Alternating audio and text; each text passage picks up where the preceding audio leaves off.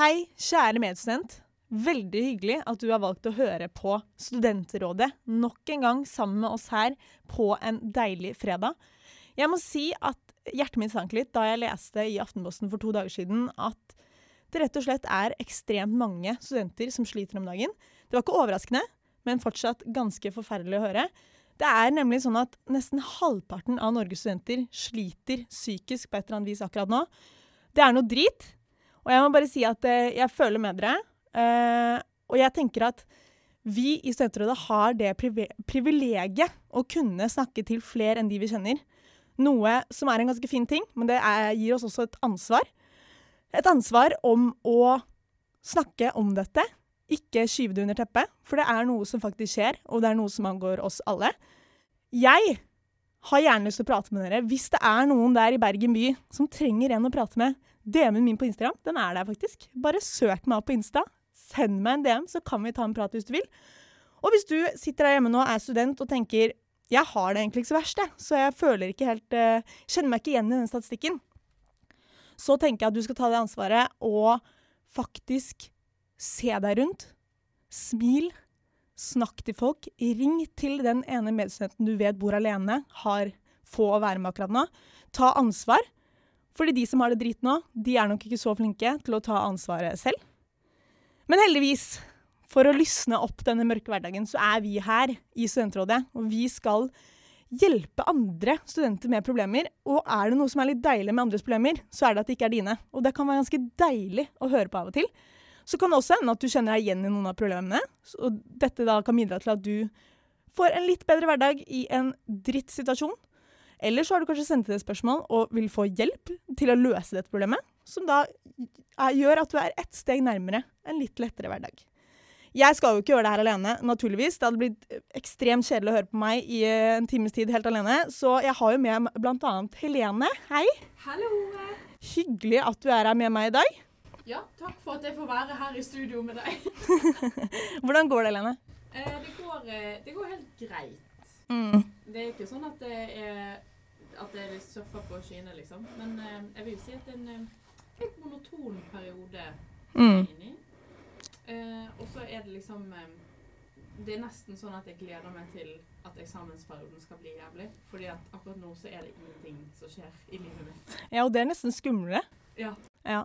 Men eh, hva tenkte du da du så den statistikken her? Om så mange studenter som sliter? Eh, jeg ble ikke overrasket, egentlig. For jeg tror jeg, jeg kan til og med se for meg at det enda flere. Altså, Mm. jeg, jeg tror egentlig akkurat nå at de aller, aller fleste eh, ikke har det så fett og sliter litt. Mm. Og at det er sånn som du sa, at det er ganske vanskelig når man er i en sånn situasjon å gjøre noe med det selv. Mm. Så derfor de som har det overskuddet, må liksom step up to the plate. Vi må ta litt ansvar alle sammen, tenker jeg. Ja, og eh, ja, jeg har i hvert fall selv eh, ikke en sånn Jeg hyller ikke livet, Nei. men eh, det er sånn det er litt sånn, man, Så lenge du våkner opp og du får gjort et eller annet produktivt, så er det sånn Ja, men vet du hva? Klapp på skulderen, liksom. Mm. Adrian, vi har med deg òg. Hei, Helene. Hvordan går det? Du, eh, det går akkurat nå ganske bra. Ja. Eh, men det er veldig varierende fra dag til dag. Mm. Men eh, akkurat nå nylig så har det begynt å skje litt mye spennende ting i livet. Eh, som gjør at det blir litt ny giv. For det har jo ikke vært så ekstremt mye motivasjon ute og går for tiden. Men det er jo hyggelig å høre at det går bra med deg akkurat nå, da. Ja, det er veldig kjekt. Det kan man jo sette pris på. Og da er det igjen ikke sant? litt ansvar på deg, som, uh, hvor livet ruller om dagen. Og se litt rundt deg, ta vare på de som ikke har det sånn akkurat nå. Sant? Det er jo det man må prøve på. Mm. Men vi skal hjelpe folk her, så det er jo noe, i hvert fall. Uh, er dere klare for å løse litt problemas? Absolutt. Jævlig klar. Da tenker jeg at vi bare sier kjør.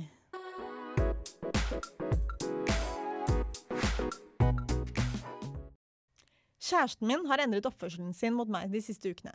Vi kommuniserer dårlig, og han har ofte laget planer med andre senere i uken uten å spørre meg om hva jeg skal. Når det kommer til sengekos, virker det som han det er mer en rutine som gjennomføres, enn at han faktisk vil ha lidenskapelig sex med meg. Han er midt i eksamensperioden og er veldig stresset med det. Basert på det finner jeg på internett at han begynner enten å 1. miste følelser for meg, 2.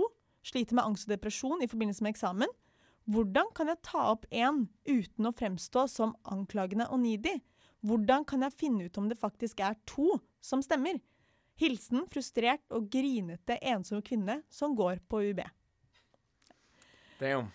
Her er det som har analysert, i hvert fall. Og vært litt på intranettet og sett om det finnes noen finnes noen forklaringer på den oppførselen her. Men eh, vi har jo vært inne på det allerede. Korona, korona er her, ting skjer, eksamensperioder skjer. Eh, første tanker om det her, Adrian. Eh, hva tenker du om denne situasjonen? Jeg tenker først og fremst at de aller fleste gangene man søker opp symptomer på internettet, finner man jo ut eh, litt verre sykdommer enn det faktisk er. Mm. Men nå er det jo ikke en forkjølelsessymptom vi snakker om, nå er det jo kjærlighet og parliv og sånn som det. Og jeg tror at det trenger ikke være en av de to. Det kan være en blanding av de to, det kan være en blanding av en tredje variabel. Så det er jævlig vanskelig, men det er viktig at hun allerede har analysert og tenkt, og hun vet jo at uh, hun må ta det opp på en bra måte uansett hva hun skal ta det opp for. Mm. Men jeg tenker at vi er i den perioden vi er nå, da. Med både eksamen og korona og alt som hører med det. Er det så unaturlig å skulle oppføre seg sånn som kjæresten til frustrert jente her eh, gjør, Helene? Jeg tenker jo at det faktisk er et lite symptom av eh, den perioden vi er i nå. Mm. Eh, og jeg tror det er veldig lett for eh, eh, en partner å tenke at man ikke gjør noe galt når man stiller seg passiv. Det Mm. er jo en balanse med å gi og ta, sant? Så det kan godt hende at den eh, kjæresten lever litt i uvitenhet at ja, det er en litt kjedelig periode, men jeg gjør i hvert fall ingenting galt, for jeg gjør ingenting. Mm. Det er jo også noe som kanskje ikke er så bra. Ja, ikke sant? At man ikke tenker at det blir lagt merke til, og at man føler at man på en måte gjør noe bra ved å på en måte være litt passiv hvis man har det dritt. Ja. Så vil det egentlig være veldig synlig for den andre part uansett. Men kan dere kjenne dere igjen at eh, kjærlighetsforholdet kan Altså vi er jo alle tre i et forhold, eh, og vi har vært gjennom korona i et forhold veldig lenge nå. Kan dere kjenne på dette? At liksom kjærligheten kanskje kan eh, bli litt mindre lidenskapelig og romantisk når hverdagen er som den er nå? Adrian? Ja, jeg vet ikke. Jeg, jeg tror kanskje at uh, av at livet ellers er så kjedelig, Mm. så har meg og kjæresten min investert enda mer i forholdet. Fordi det er her eneste plass vi kan hente glede på en måte i løpet av hverdagen eller helgen eller whatever. Så vi legger gjerne litt mer i det. Men jeg kjenner til den der eh, at han her kjæresten har planlagt å være med venner senere i uken, og så har ikke sagt noe til kjæresten. Den smellen går jeg på relativt ofte. Eh, så dårlig kommunikasjon, den, eh, den er jeg med på. Mm. Eh, og jeg, jeg hadde faktisk en samtale med dama mi forrige uke om det. Og da var det sånn at jeg hadde bare lagt masse planer i hodet mitt, og så gadd jeg ikke gi beskjed om det, for jeg tenkte det trenger jeg ikke gi beskjed om. Og så passer jo ikke det med virkeligheten. Eh, og man finner ut at ting liksom går skeis, og eh, ender jo med at liksom ja, alle planene går i dass. Og da tok jeg meg en eh, lang dusj dagen etterpå og tenkte hele godt igjennom, og jeg fant ut det koster jo ikke meg så mye å bare sånn Hei, forresten, dette er planen min denne uken. Og så sa jeg det dama, og så var hun ganske enig, da. Hun var det, ja. ja. Jeg kan kjenne meg igjen i veldig det der. Ja. Altså det, sånn er, det er mitt forhold oppsummert, egentlig. Eh, at eh, Kjæresten min har tenkt ut ting, men han har ikke sagt det høyt. Så det er litt vanskelig for meg å forstå det. Og det går jo andre veien òg, selvfølgelig. Så den der eh, kommunikasjonen den skal fader ikke være lett. Nei. Men eh, Helene, hva med ditt eh, forhold? Er ståa good i korona? Ja, altså jeg kan jo eh, si at det er litt lignende som dere sa, at det er eh, Ja, det er lett å undervurdere at man må liksom samarbeide litt for å få kabalen til å gå opp. Fordi at begge er jo veldig busy people. Mm. Så hvis du kanskje egentlig bare har én dag der du virkelig kan eh, lage middag og ha litt sånn quality time, så er jo det lett for at den ryker med at det er sånn Å ja! Ah, jeg skulle, skulle trene. Så, eh. Ja. Eh, men også det med at man blir litt sånn Det skjer ikke så mye, så man er på en måte ikke så på. Altså man finner på masse syke ting og sånn. Så jeg merker jo at uh, man må være litt bevisst på å jobbe, eller liksom ta vare på hverandre. Og liksom eh, gi et ekstra gir, fordi at hverdagen er ganske kjedelig. Og hvis man ikke jobber litt nå, så tror jeg at det kan fort bli shit. Men tror du det at eh, kjæresten til denne kvinnen oppfører seg sånn her, tror du det kan bety at eh, han har mistet følelser? Jeg tror, eh, jeg tror kanskje det reflekterer litt at forholdet kanskje er litt stagnert, Mm. eventuelt. At eh, det er ikke så Han er ikke helt investert akkurat nå. Og det er jo noen som ikke helt vet hvordan man takler det. Mm. Og da er jo det noen som takler det med å bare sånn OK, men da henger man litt mer med guttene. Man finner på litt ting. Man lever litt mer sitt eget liv. Og så feier man kanskje det litt under teppet at nå må noe skje i forholdet. Man må liksom eh, finne ut av det sammen. Mm. Det høres litt ut som det. Ja, fordi eh, altså jeg husker jeg hørte veldig godt råd en gang eh, når det kommer til parforhold. Og det er at liksom rundt eh, sånn cirka en gang i halvåret så trenger forholdet en, et lite opp- oppvaskmøte. Man skulle liksom kunne sammenligne med kollektiv. ikke sant? Hvis ting ikke tas opp, og man ikke har litt status med sånn Hvordan eh, ligger vi an nå? Hva tenker du om forholdet? Hva funker, hva funker ikke? Hvis den aldri kommer, så kan bomben eh, komme ganske overraskende på den andre part. Hvis den ene føler at nå begynner å gå dårlig her. Og eh, altså Det her kan jo godt være en situasjon hvor eh, gutten har det dårlig, og det går utover forholdet. Eller han ikke er bevisst på hvordan han oppfører seg. Eller at det faktisk er ting i forholdet som må tas opp. Men uansett så trengs det jo en samtale. Er du god på sånne samtaler? Adrian? Vet du hva, jeg er faktisk ganske god på det. Uh, jeg ville kalt meg sjøl, iallfall når det kommer til sånn som der, emosjonelt stabil. Uh, resten av livet kanskje ikke, sant. Men eh, det jeg er bevisst på når jeg skal ta opp ting som må tas opp, eller oppvaskmøte, eller hva man skal definere det som, er å gå inn softly og bare eh, liksom si intensjonen med samtalen med en gang. Intensjonen min er at vi må snakke om ting for å løse det her, for vi er jo glad i hverandre. Og intensjonen er aldri å være frekke med deg eller såre deg. Men dette er det jeg har tenkt på. Hva har du tenkt på? Og så alltid prøve å holde det over eh, veldig positive og veldig negative følelser. Og holde det litt sånn at det går an å ha en diskusjon. Fordi det er jo våre menneskelige liv vi snakker om. Mm. Så det er viktig å ikke liksom havne nedpå, for da kan du fort gå ut i en krangel. Mm. Fordi jeg, jeg merker jo, eh, Når vi snakker om det her, Adrian, så kan det ofte virke som at vi syns sånne samtaler kan være ganske lett. Fordi vi er jo ikke så veldig konfliktsky. Vi sier det som det er og sier hva vi tenker, og det er jo som regel det letteste. Men det er jo ikke alltid like enkelt. Og da ser jeg bort på Helene her. Ja, hallo. Kan, Navnet er Helene Høylandskjær, og jeg er litt konfliktsky. ja! Derfor er jeg veldig nysgjerrig på hvordan du takler sånne situasjoner som dette. Jo, altså, nå skal dere få et innblikk i min hjerne, og det er det at før en sånn samtale For det første så går det litt lengre tid enn nødvendigvis kanskje det hadde gjort for dere å ta opp den samtalen. Fordi jeg krisemaksimerer litt og tenker sånn Utfallet denne samtalen er jeg redd for. Hva hvis det ikke går så planlagt? Hva hvis det liksom Hva hvis jeg får vite noe jeg ikke er klar for å vite? Eller, sånn. Så derfor kan det være ganske vanskelig for meg å ta opp. Eh, men det er jo jeg veldig bevisst. Så det blir jo veldig som å bare isbade. At du må bare OK, fuck it. Jeg, det blir aldri som du har planlagt uansett, den samtalen. Men det føles som regel godt etterpå. Ja, sant? Mm. Mhm. Og det du sa med oppvaskmøte, det treffer så sykt. Det treffer så sykt. Det er legit, ja. I, en gang i halvåret, da må vi liksom da Fram med Zaloen. Ut med alt. Eh, Ja. det er vanskelig. For det er jo faktisk vanskelig å på en måte være oppdatert i hvordan den andre partneren faktisk har det. Hvis man ikke er en person som snakker om følelser. Fordi det går fort i de hverdagslige samtalene. Men sånn, hvordan har du det egentlig? Altså, Hvordan er du i følelsesregisteret ditt nå? Hvordan er, eh, hvordan er nervene, liksom? Det er jo noe som på en måte eksplisitt bør spørres, opp, spørres om som regel, med mindre man er en åpen bok, da. Så eh, vi hater jo å si det, men det er jo kommunikasjonen her som ligger i bunn, er det ikke det? Jo, det er jo det. Og så tror jeg det er Det høres veldig ut som Altså, jeg kan på en måte kjenne meg igjen i den situasjonen at du, du vet på en måte ikke hva som helt skjer i forholdet, så det er sånn på tide å liksom orientere seg litt. Mm. Og det er ikke nødvendigvis eh, at han har mistet følelser, eller at du gjør noe feil. Men jeg tror det er bare det at man må tørre å Mm. være litt sårbar og si at sånn Når du gjør sånn, så får det meg til å føle sånn. Og det går alltid bedre enn det man tror. Mm. Alltid. For min del, i hvert fall. Ja, Og hvis det ikke går, så er det kanskje den harde sannhet også. Altså Sannheten kommer jo frem på et eller annet tidspunkt. Så hvis det er sånn at eh, forholdet skranter, så må jo det også opp i lyset. Eh, det blir jo ikke noe vondere av å utsette den følelsen, selv om det kanskje kan føles sånn. Men hvordan eh, skal man da starte samtalen, Adrian? Hvordan skal man ta opp dette? Jeg tror at det er viktig for innsender å tenke på å ikke ha antakelser, eller i hvert fall ikke eksplisitte antakelser om hvordan kjæresten har det. For hun vet jo obviously ikke. Hun antar kanskje at, er, at han har mistet følelser, eller at uh, han er deprimert pga. eksamen eller stressa. Men det, jeg tror hun må gå inn med liksom et åpent sinn, at det kan være alt.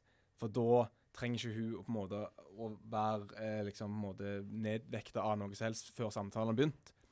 Og så må du jo bare la han snakke. Og hvis han ikke vil ha den samtalen, så gjerne gi han litt tid. For hvis han er deprimert og er lei seg, så kan det være jævlig vanskelig for han å snakke om det. Gjenta en dag eller to, spør han igjen. Men uh, gjør det på en liksom, trygg måte, sånn at du, du gjør det gjerne ikke uh, rett før du skal på skolen, eller rett etter skolen. sant? Du må gjerne gjøre det litt på kvelden. Og kanskje ikke, ikke guns blazing, du har gjort ABC, Mm. da, da, da, da, men heller uh, åpne det med litt sånn her Du, i det siste, jeg vet ikke om det bare er meg, men jeg føler litt på dette. Hva føler du? Mm. Så, og hvis det er vanskelig å dra ting ut av den, så ja, vær flink på å stille oppfølgingsspørsmål. Sånn, hva tenker du? Bare still spørsmål rett ut. Hva tenker du om at vi At det føles ut som at uh, vi har sex, og at det er litt sånn lekser, holdt jeg på å si. Mm. At det ikke er så spennende. Hva tenker du om det? Mm. Hva kan vi gjøre med det, liksom? Mm. Kjære grinete og ensom kvinne. Samtalen må til. Det er vanskelig, men oppvaskmøter det trengs i livet uansett hvilken situasjon det måtte være, og spesielt i parforhold. Det kan være vanskelig å ta opp, men ikke, ta, ikke anta noe eh, før du hører hva den andre parten sier. Luft det forsiktig, på riktig tidspunkt, og så tar du det derfra. Og jeg lover deg, det kommer til å lønne seg på sikt.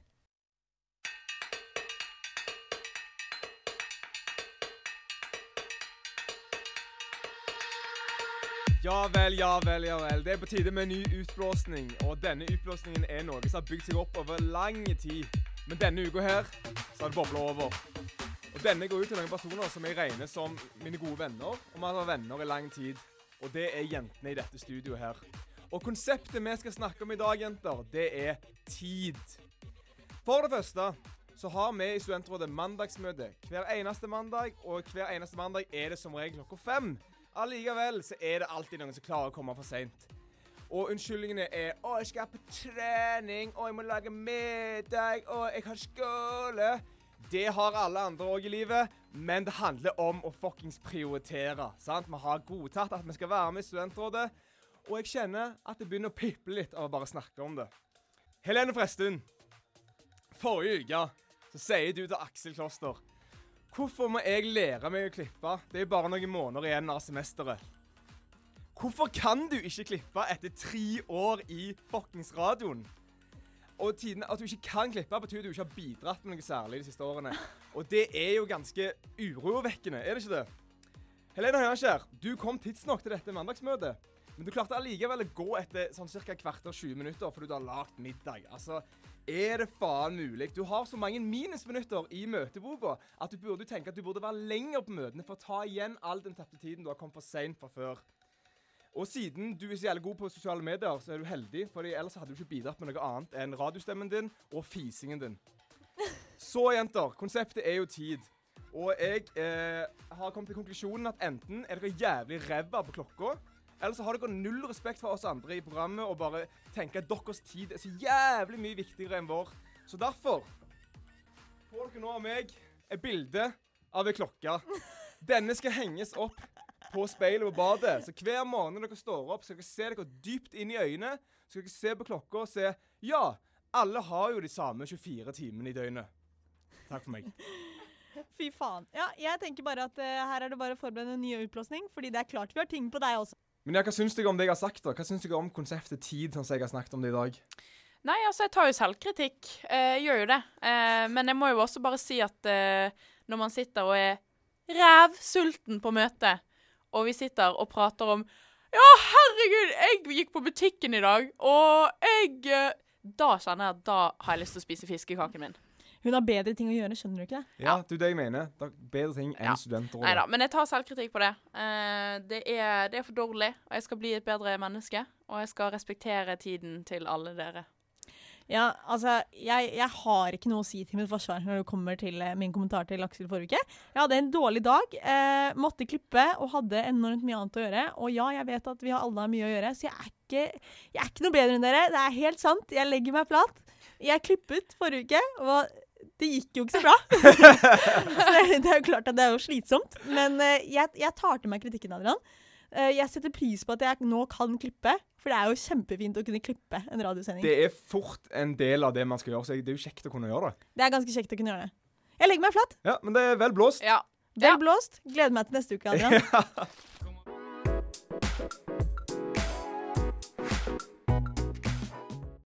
I dag skal vi få besøk av Anette, og hun er sexolog i Sex og samfunn. Sex og Samfunn er Norges største senter for seksuell og reproduktiv helse og rettigheter. Og I dag skal vi spørre Anette om spørsmål som dere har sendt inn som dere lurer på om sex. Så gjerne ikke vi studenter har all ekspertisen til å svare på. Ja, vi vet jo at flere sliter med psyken om dagen. Eh, og det er ikke bare psyken som har fått kjørt seg under korona. Det er også sexlivet vårt. Enten man er singel eller i forhold. Og vi har fått inn masse spørsmål fra dere lyttere. Og vi har med oss Anette. Hallo, ja. Hei. Og du er eh, Er det sånn at du er sexolog? ja, jeg er eh, sexolog og helsesykepleier og jobber på Sex og Samfunn. Ja. Så du er nok eh, kjent med mange av problemstillingene du skal høre om. Absolutt. Jeg jobber som sexologisk rådgiver til daglig her, så der får vi mange spørsmål og mange problemstillinger. Ja, men det, det er perfekt. Så første spørsmål vi har her, det er Jeg har av en eller annen grunn fått for vane å komme i doggy. Vi har pratet litt om det, men samtalen gjorde at jeg ikke klarte å komme etterpå. Kan det hende at det er blitt en rutine som jeg må jobbe for å komme meg ut av? Har dere tips til hvordan jeg kan klare dette? Kall meg Petter. Eh, ja. Mm. Hei, Petter. Skal vi se det første. Det er jo mange spørsmål inni det spørsmålet du har stilt. Men um, i utgangspunktet så tenker jeg at det å eh, komme i doggy eller alle andre stillinger er jo helt uh, normalt. Uh, um, hva du foretrekker. Så det jeg lurer litt på i utgangspunktet, er det jo om det er du som tenker på det som et problem, eller om det er partneren din. Og det kan vi jo ikke få svar på her, men ehm, Eh, Dette med doggy kan jo være både at det har noe med tabu å gjøre, at det er litt kinky, at man får en dypere penetrering. Det er det mange som eh, foretrekker. Og også det at man ikke får den blikkontakten som kan være litt forstyrrende, litt intenst for mange, da.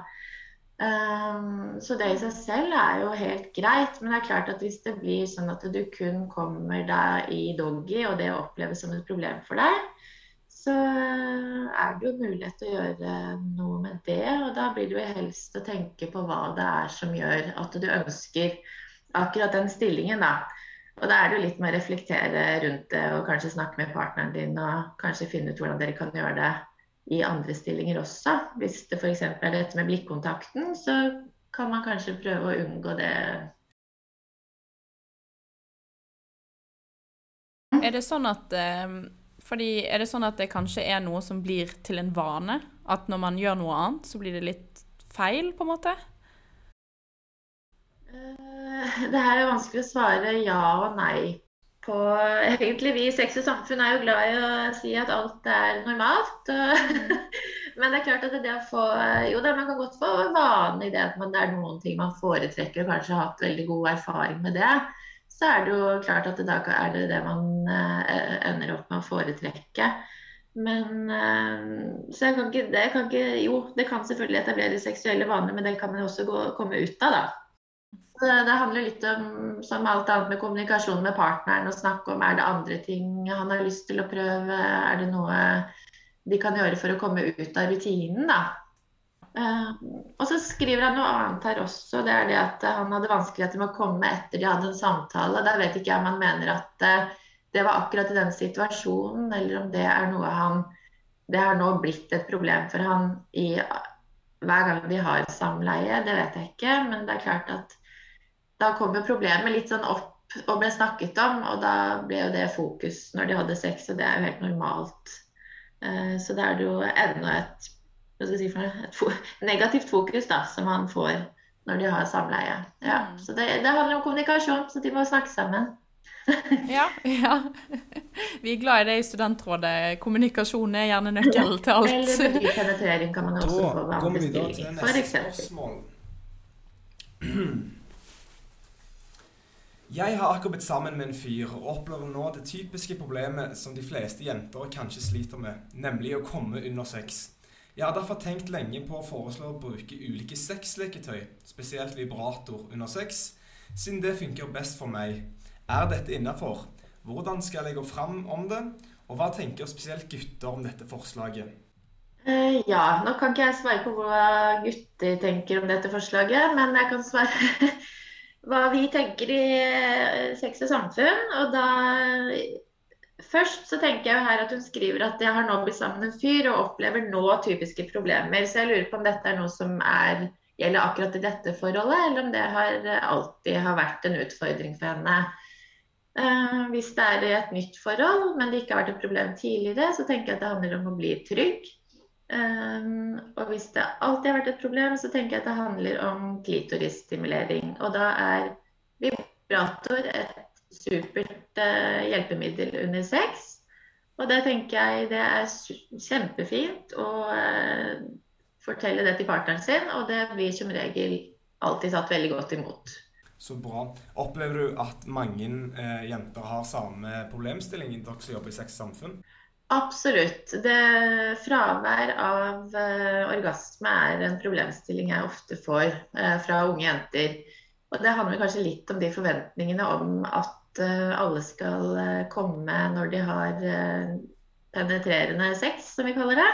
Og det er kanskje noe med, kanskje det er med porno å gjøre, kanskje det har med eh, om vi har nok informasjon om kvinnekroppen, men de aller fleste trenger klitorisstimulering for å komme, og det er de færreste av oss som klarer å komme kun ved vaginal penetrering, da. Og som regel så tenker jeg at hvis det er partner mannlig eller kvinnelig, så blir det ofte tatt som regel tatt veldig godt imot at man kan si 'dette trenger jeg for å få orgasme med deg'. Og da kan de ha det bra begge to. Ja, så er jo det eh, mange som eh, syns det er vanskelig å snakke om sex, og her er jo et spørsmål som toucher litt på det.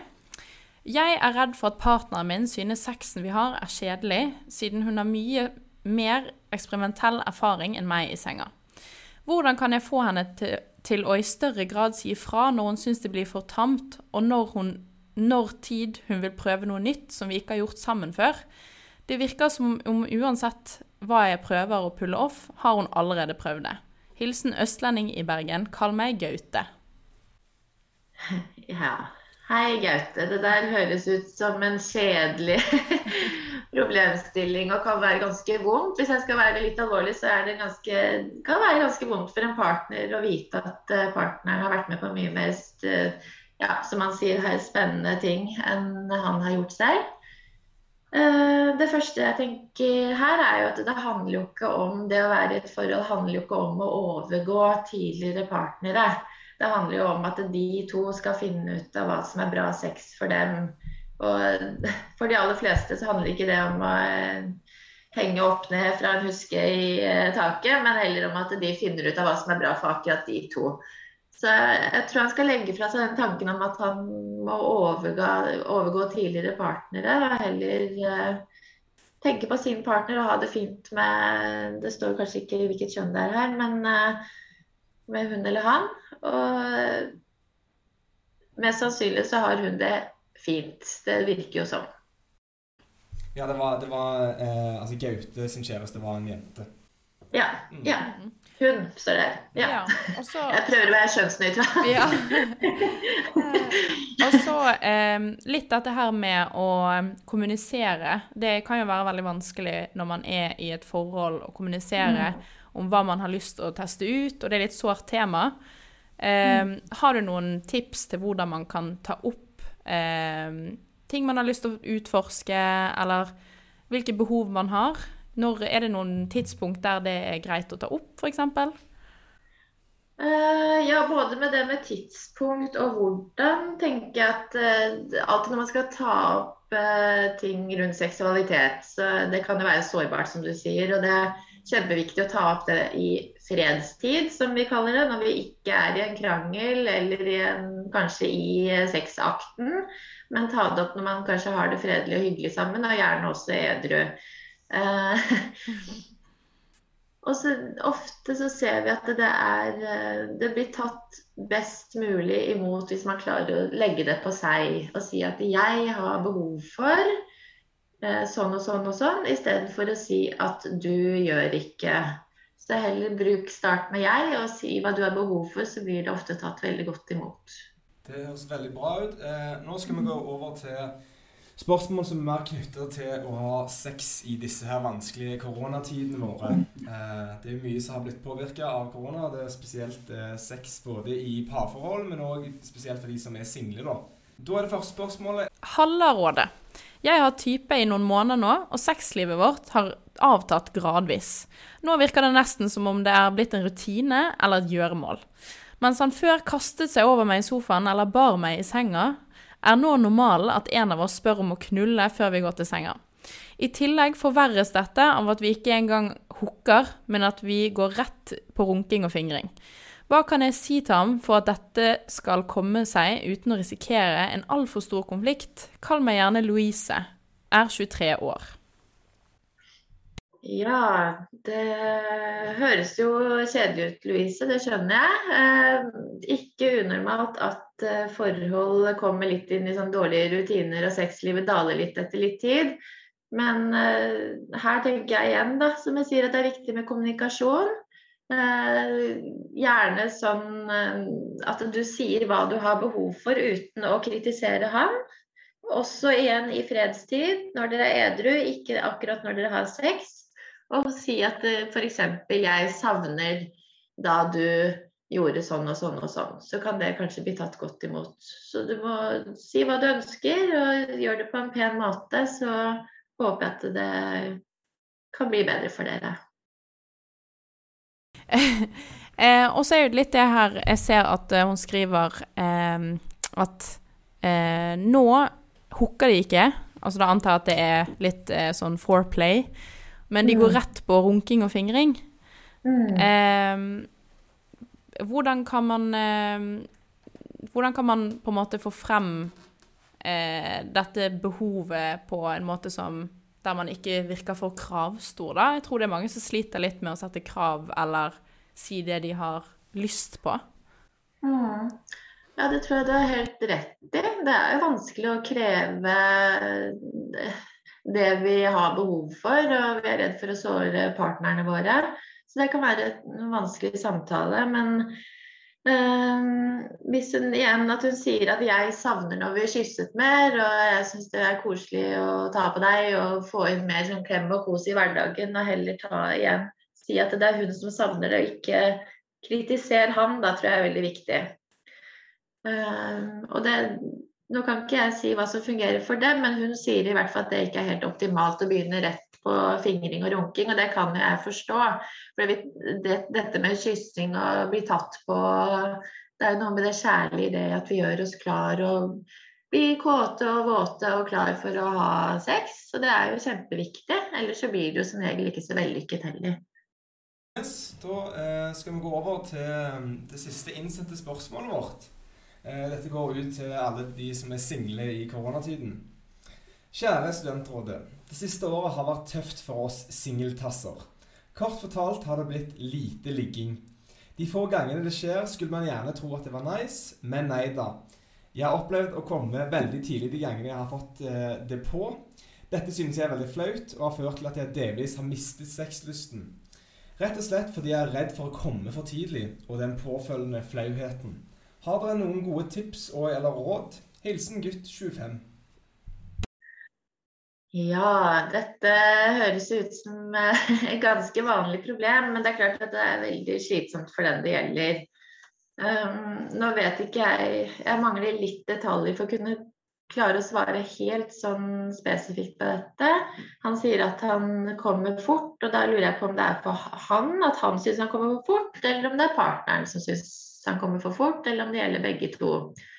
Vi har jo en sånn um, her på Sex og samfunn så har vi jo dette med prematur ejakulasjon. Sier vi at hvis du kommer innen to minutter etter penetrering, så kaller vi det en prematur ejakulasjon. Og det varer over en viss tid, da. Uh, og det kan man gjøre noe med. Da er det teknikker, noe som heter stopp-start-teknikken. og Det kan dere lese mer om på våre hjemmesider på Sex og samfunn. Eller det kan jeg også minne alle på at vi har en anonym chat også på Sex og samfunn som alle kan bruke. Um, så det, eller så kan han jo, hvis han vet at han skal ha en date, så er det jo mange som har hell med å onanere før de går på daten. Uh, men han kan også, når han er selv, onanere, prøve å oppnå mer kontroll over egen kropp. Og hvordan han kan stoppe seg selv fra å komme og ja, øve seg litt selv. Så han ikke blir så ivrig. Og så er det, vet vi også at dette med å ha mye press og stress og prestasjonsangst gjør at vi også kommer fortere for menn. Det motsatte skjer hos damer. Ja, riktig. Ja. Så da er altså eh, trening er nøkkelen her, og så kan vi gjerne også dra inn at eh, hvis man sier til sexpartneren sin at eh, jeg har ikke lyst til å komme fort, så er det greit vi har ha noen pauser imellom. Det her med kommunikasjonen kan jo dras inn her òg. Super, super idé. Kjempebra. Og da kan man gå over til andre aktiviteter, ikke sant? Og det er masse vi kan gjøre. Håpet er ikke ute for eh, gutt 25, kan vi konkludere med. Eh, så eh, til slutt så har vi et spørsmål som vi aldri helt har kommet til bunns i. Og det er sannheten rundt klamydia i halsen. Kan man virkelig få det i halsen, eller er det en myte? Eh, vi sier ja og nei på det.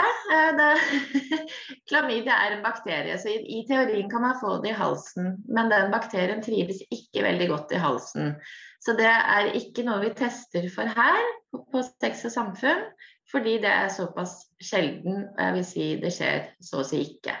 For den klamydiabakterien trives ikke i halsen. Det er ikke godt uh, det er ikke god flora for klamydiabakterien i halsen, heldigvis. Og så kan vi jo si det sånn at Hvis du får påvist klamydia vaginalt eller i penis, så vil den antibiotikakuren også ta hvis du skulle hatt det i halsen. Så da er det på en måte dekt opp uansett, så lenge du går og sjekker deg jevnlig. Men jeg kan si at gonoré trives veldig godt i halsen. Bare så det. Så da er det bare å være obs og bruke beskyttelse, rett og slett. Ja. ja. Og teste seg, ikke minst. Um, ja, men uh, da har jo vi fått uh, gått gjennom mange spørsmål. Jeg tror det er mange som kommer til å få nytte av disse svarene. Så vil jo si tusen takk til deg, Anette. Selv takk. Det var moro. Supert. Supert. OK, ha det bra. Så vi håper dere fikk eh, dratt noe nytte ut av eh, dette hva skal jeg si, intervjuet med meg og Adine. Og vi har en liten confession to make, rett og slett. Vi har drevet litt på draget. Vi trodde vi skulle snakke med en som het Stine. Så avslutningsvis i denne podden så sier vi takk til Stine. Men vi mener egentlig takk til Anette. Tusen takk, Anette!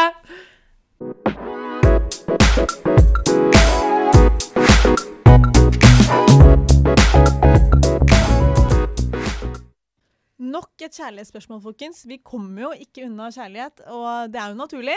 Er dere klare for uh, nytt spørsmål? Veldig Yes. klare. Hei, kjære studentråd. Jeg holdt på med en fyr gjennom høsten, og vi ble enige om å være eksklusive i desember. Og så ble det brått slutt i januar. Det har kommet frem i ettertid at han på ingen måte var eksklusiv med meg. Han har vært med andre jenter gjennom hele forholdet, og det har til og med vært tilfeller der jeg har vært hos ham på dagen, og når jeg har dratt, har han fått besøk av en annen jente på kvelden. Når det ble slutt, la han ut om hvor lei seg han var, hvor mye det betydde for han, og hvor viktig det var han, for han at vi fortsatt forble venner. Så vi har fortsatt å snakke litt siden det ble slutt. Parentes, dette var før jeg visste hva han hadde gjort. Det ble slutt fordi han sa at han hadde for mye issues å deale med. Parentes slutt.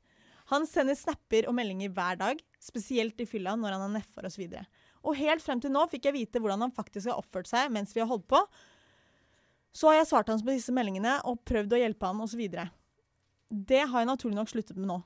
Men det har kommet frem hvordan han skryter av hvordan han holder på, og legger frem at det er kult og status, at han flørter og ligger med andre jenter samtidig, og at de også griner til han etterpå når de er lei seg. Så, han så jeg har altså tre spørsmål til dere. For det første, er dette normal oppførsel?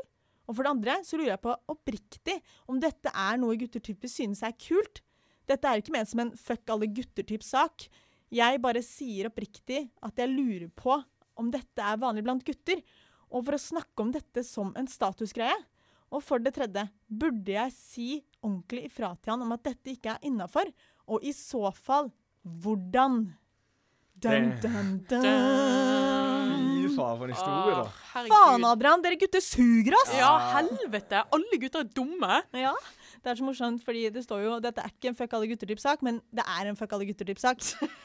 det er jo litt det, eller? Ja, eller altså, jeg kan ikke si at jeg ikke har gjort lignende ting i mitt tidligere liv. Har du, har du skrytt av at du har fått jenter til å grine?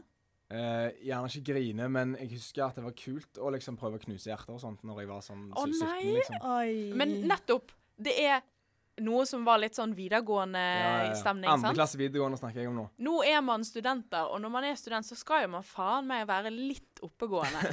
Man skjønner jo på en måte etter hvert at folk har følelser og sånn, og at det er noe man ikke kødder med. ja, og så tenker jeg òg sånn OK, Adrian. Hvis en hadde kommet til deg og vært sånn her ja, ah, fy faen, hun gren til meg så jævlig. Hun var sånn 'Å, ta meg tilbake.' Og jeg bare pulte en annen jente. OK, hadde man ledd fordi at det var absurd? Men kunne man tolket det som at uh, du syntes det var kult? Altså, uh, jeg ville nok rent Hvis det var en god venn som hadde sagt det, så hadde jeg ledd fordi det var absurd. Ja. Og tenkt sånn Faen, sykt at du kan gjøre det, liksom. Mhm. Men så hadde jeg jo i tillegg sagt etterpå Bro, det er ikke greit. Ja. Vi er forbi det stadiet i livet. Ja, men hadde du det? Altså, Ja, sånn, ja, ja. Nå kommer jo du fra en klassisk guttastemning-gjeng. Mm, mm. Det kan man vel si. Ja, ja, ja. Det har vi jo erfart Det vet vi godt. Eh, gjennom show og lignende. Og mitt inntrykk er jo at hvis en fyr kan si noe sånn til eh, gutta, så er det sånn at folk ler, syns det er lættis, og så forteller de etterpå til kjæresten sin at dette var jo ikke noe hyggelig, og det var jo ikke så kult sagt. Og... Men at man kanskje ikke sier det direkte til han på en ordentlig måte, så han blir liksom hausa opp som at dette er en jævlig fet ting. Ja, jeg må jo si meg uenig, da. Er du det? Ja, altså, Det som skjer bak kammerset, er ikke det som skjer på eller Studenter liveshow, på en måte. Eh, der de hyler og skriker. Sånn at det, eh, Jeg tror de aller fleste har et eller annet slags moralsk kompass. Iallfall innad i gjengen som en liksom, kollektiv eh, et, etisk kompass. Men det er klart Når folk, eh, når han her, eh, jævelen som innsender snakker om, eh, skryter til kompisene sine, så er det tydelig at det har kommet ut, for hun har fått vite om det. Så de har jo gjerne spredd det videre. Eh, så gjerne de ikke er så tilhengere av det. Sant? Ja, men altså, det går jo også an å bare han, Når man snakker om noe mye, så kan jo det på en måte regnes som skryting òg.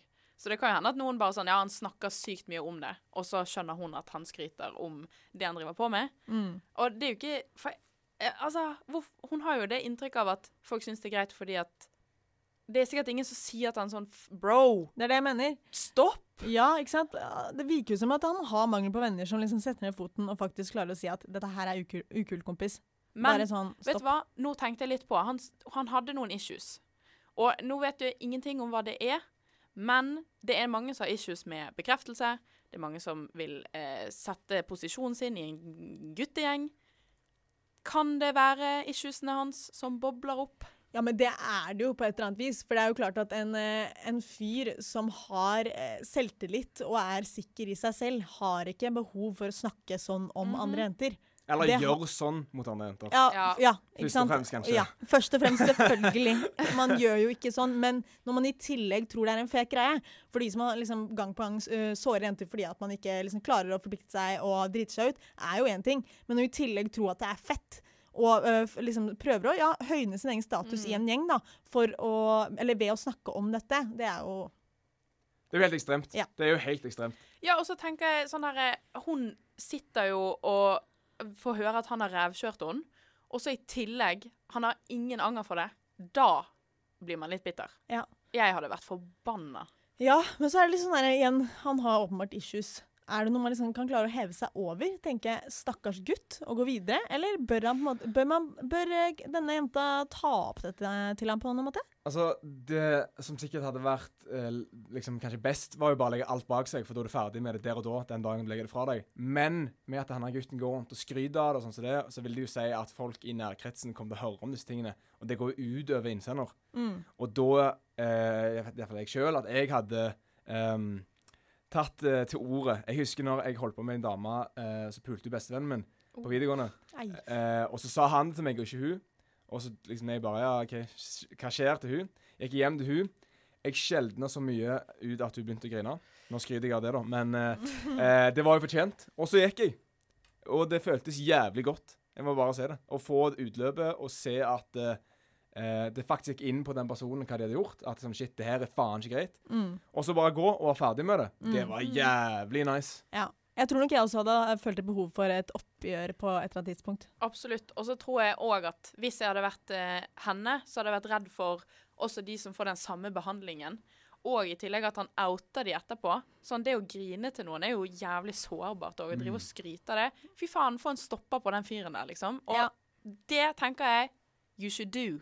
Ja, Mm. for man skal jo på en måte ikke bruke unødvendig energi- på sånne mennesker. Men hvis, altså, hvis innsender skal gjøre noe med dette her, så skal man være helt sikker på at man gjør det for seg selv og for sin egen selvfølelse etterpå.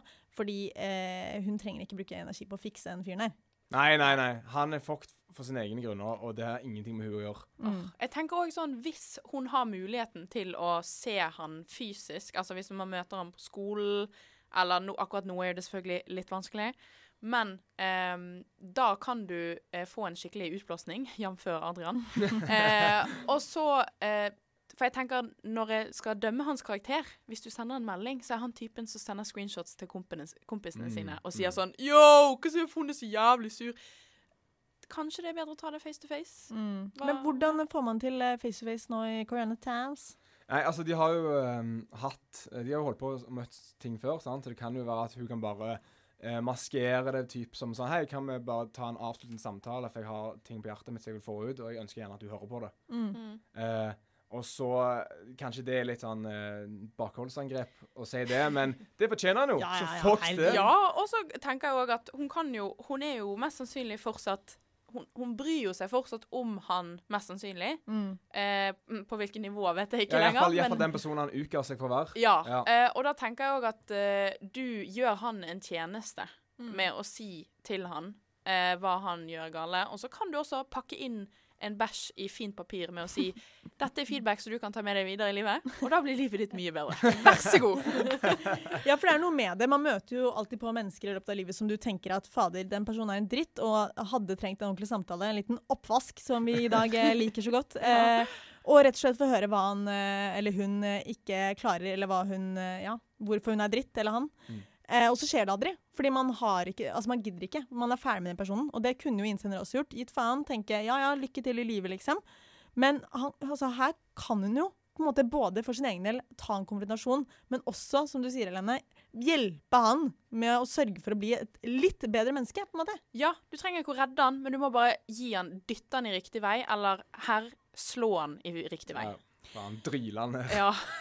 Hvis vi skal være litt seriøse på eh, hvordan konfrontere det her, da. Hvordan, hvordan i helsike skal man gjøre det? Nei, altså um, Enten så må du gi uttrykk for at du vet alt som har skjedd, um, og derav må vi ha en samtale. Eller så bakholdsangrepet som jeg nevnte tidligere, og bare si jeg, vil, jeg har ting på hjertet så du må høre på. Ja. Mm. Og ikke ha dårlig samvittighet for å ikke gi han en heads up før, fordi at han vet jo hva han har gjort. Det er bare det at han vet ikke at du vet, så jeg tenker at han skal ikke få en fordel av å forberede seg på alle unnskyldningene sine før dere møtes. Ja, eh, og så kan det jo hende at hvis han eh, på en måte begynner å lukte at det er noe på ferde, at han da ikke ønsker å møte henne eh, Mm. med denne Ja. konfrontasjonen. Kanskje man skulle dekket det, kamuflert det med en Ja. annen unnskyldning på Kafé. hvorfor man skulle møtes. Bare sånn her Å, du, eh, skal vi catche opp? Det hadde vært kjekt. Jeg aner jo ikke hva som deres forhold er nå når de ikke prater, da. Så det er jo litt spesielt å plutselig si sånn Hei, skal vi møtes? Men Mm. Ah, ja, hvorfor ikke? Hva med å liksom bare si at man eh, har en livskrise eller noe? At man virkelig trenger hjelp? Vet ikke, det er bare deg jeg kan Ja. prate med om det. og Ja, bare for det er jo på- sant. Ja, Det er bare deg jeg kan prate bare, med og så kan man sette seg ned og bare Jeg sa jeg hadde en livskrise.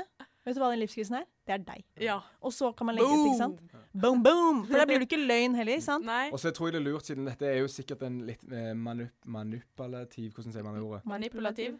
Type. Eh, sant? Jeg er ikke det, for jeg kan ikke stave ord engang. sant? Så, eh, han er sikkert det, så det er viktig at du har Ja. lagt mange argumenter i hodet ditt, og eh, ikke gir han tid til å planlegge hvordan han skal snu det, at det er din feil.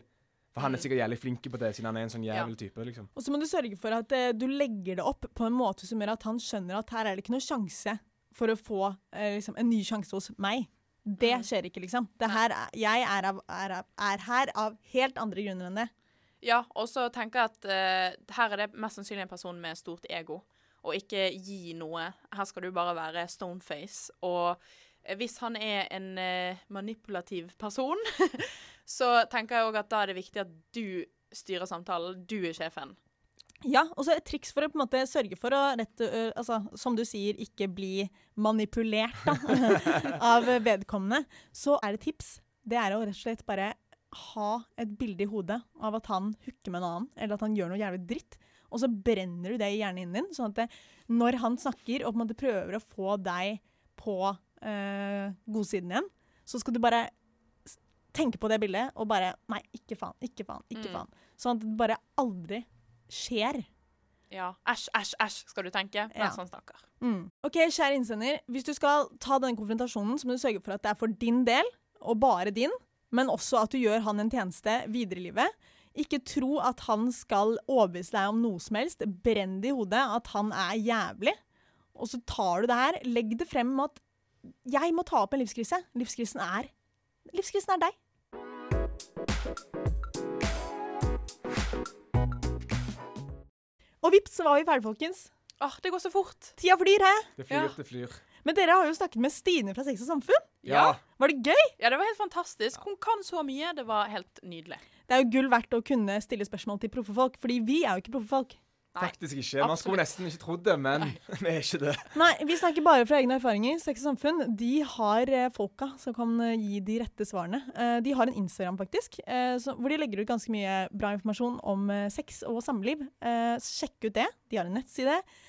Der er det bare å stille spørsmål dere lurer på hvor dere trenger faglige svar. Hvis dere trenger litt sånn uh, moro svar med, basert på egne erfaringer, så er det selvfølgelig bare å sende til oss. Vi, eh, vi har masse av det. Yes. Skal dere noen spesiell helgen, eller? Jeg skal eh, i hvert fall bli full, tror jeg. Å, deilig! Ja, det må Heldig til. Jeg kjenner, jeg, jeg kjenner at det må til. Fader, nå fikk jeg veldig lyst til å bli full. Nei, jeg skal jo lese masse skole. Så Ja. det, Ja. Det bør egentlig jeg også gjøre, men Ja. jeg stikker jo på hyttetur, så sånn er jo livet. Men jeg håper alle, har det, alle der hjemme har det bra. Gjør, gjør noe hyggelig for dere selv. Du også, Adrian. Det er mye skole, men vi må jo ha noen morsomme inputs også. Hvis ikke så blir livet ganske grått. Jeg syns skole er ganske gøy, egentlig. Ja. Ja, nei, nei, Men eh, det, det gjør du jo ikke. Så eh, ja, finn på noe morsomt. eh, Vær med noen folk, ring Kjøp en en venn. pils, Kjøp sett en deg ut i parken. Hør på podkast, hør på oss. Hei! woo! Oh yeah! Snakkes neste uke.